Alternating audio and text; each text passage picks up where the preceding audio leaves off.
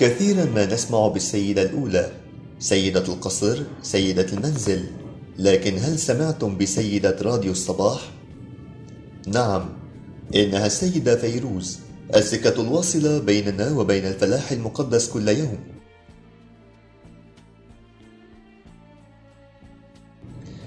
فما أن يمد الصباح بساطه الأزرق حتى ترى تهافت الأرواح الناعسة وتدافعها إلى استنشاق ما يعبق في الأرجاء من نسائم فيروزية ملحنة توقظ فيها خلاجات الحنين والحب فقد بات عرفا لبنانيا وعربيا أن سيدة فيروز عبارتنا إلى الوعي صباحا وإدارة محركاتنا للانطلاق بنشاطاتنا الروتينية لكن ماذا لو لم تكن السيدة فيروز شرطا لإبرام اتفاقية الصلح بين الصباح وبين بعض الناس؟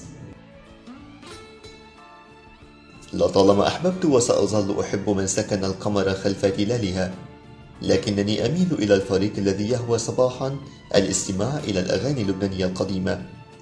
لها طابع مثقل بالحنين والذكريات ولكن بعيارات عاطفية أخف من التي تفعم بها أغاني السيدة فيروز.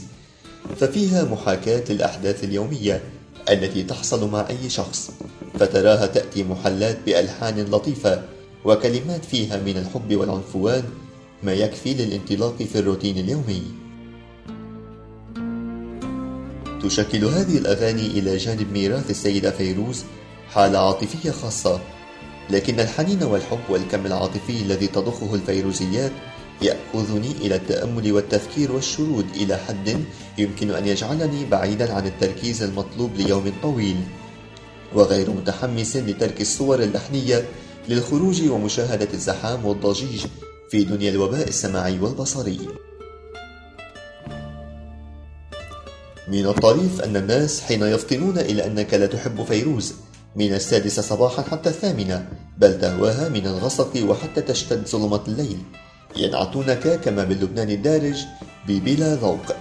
أو يشخصون حالتك على أنها التهاب في الأذن الموسيقية الوسطى.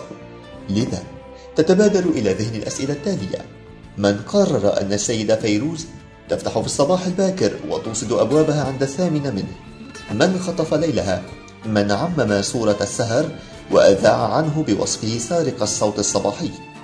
ألا يحق لمن غنت سكن الليل وصدحت بآه يا سهر الليالي أن تؤنس من يهوى معاتبة السماء ليلا ومغازلة النجوم؟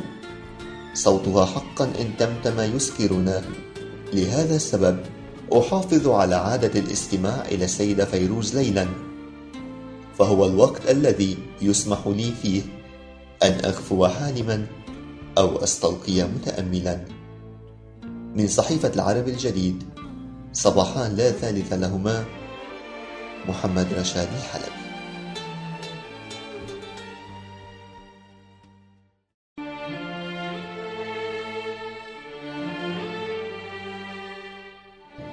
كثيرا ما نسمع بالسيدة الأولى سيدة القصر سيدة المنزل.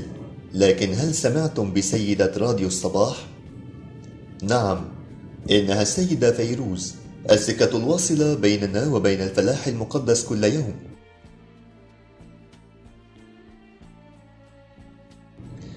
فما أن يمد الصباح بساطه الأزرق حتى ترى تهافت الأرواح الناعسة وتدافعها إلى استنشاق ما يعبق في الأرجاء من نسائم فيروزية ملحنة. توقظ فيها خلاجات الحنين والحب. فقد بات عرفا لبنانيا وعربيا أن السيدة فيروز عبارتنا إلى الوعي صباحا وإدارة محركاتنا للانطلاق بنشاطاتنا الروتينية. لكن ماذا لو لم تكن السيدة فيروز شرطا لإبرام اتفاقية الصلح بين الصباح وبين بعض الناس؟ لطالما أحببت وسأظل أحب من سكن القمر خلف تلالها. لكنني أميل إلى الفريق الذي يهوى صباحا الاستماع إلى الأغاني اللبنانية القديمة. لها طابع مثقل بالحنين والذكريات ولكن بعيارات عاطفية أخف من التي تفعم بها أغاني السيدة فيروز. ففيها محاكاة للأحداث اليومية التي تحصل مع أي شخص فتراها تأتي محلات بألحان لطيفة وكلمات فيها من الحب والعنفوان ما يكفي للانطلاق في الروتين اليومي. تشكل هذه الأغاني إلى جانب ميراث السيدة فيروز حالة عاطفية خاصة. لكن الحنين والحب والكم العاطفي الذي تضخه الفيروزيات يأخذني إلى التأمل والتفكير والشرود إلى حد يمكن أن يجعلني بعيدا عن التركيز المطلوب ليوم طويل. وغير متحمس لترك الصور اللحنية للخروج ومشاهدة الزحام والضجيج في دنيا الوباء السمعي والبصري. من الطريف أن الناس حين يفطنون إلى أنك لا تحب فيروز. من السادسة صباحا حتى الثامنة بل تهواها من الغسق وحتى تشتد ظلمة الليل. ينعتونك كما باللبنان الدارج ببلا ذوق. أو يشخصون حالتك على أنها التهاب في الأذن الموسيقية الوسطى. لذا تتبادر إلى ذهن الأسئلة التالية. من قرر أن السيدة فيروز تفتح في الصباح الباكر وتوصد أبوابها عند الثامنة منه؟ من خطف ليلها؟ من عمم صورة السهر وأذاع عنه بوصفه سارق الصوت الصباحي. ألا يحق لمن غنت سكن الليل وصدحت بآه يا سهر الليالي أن تؤنس من يهوى معاتبة السماء ليلا ومغازلة النجوم؟ صوتها حقا إن تمتم يسكرنا. لهذا السبب أحافظ على عادة الاستماع إلى السيدة فيروز ليلا.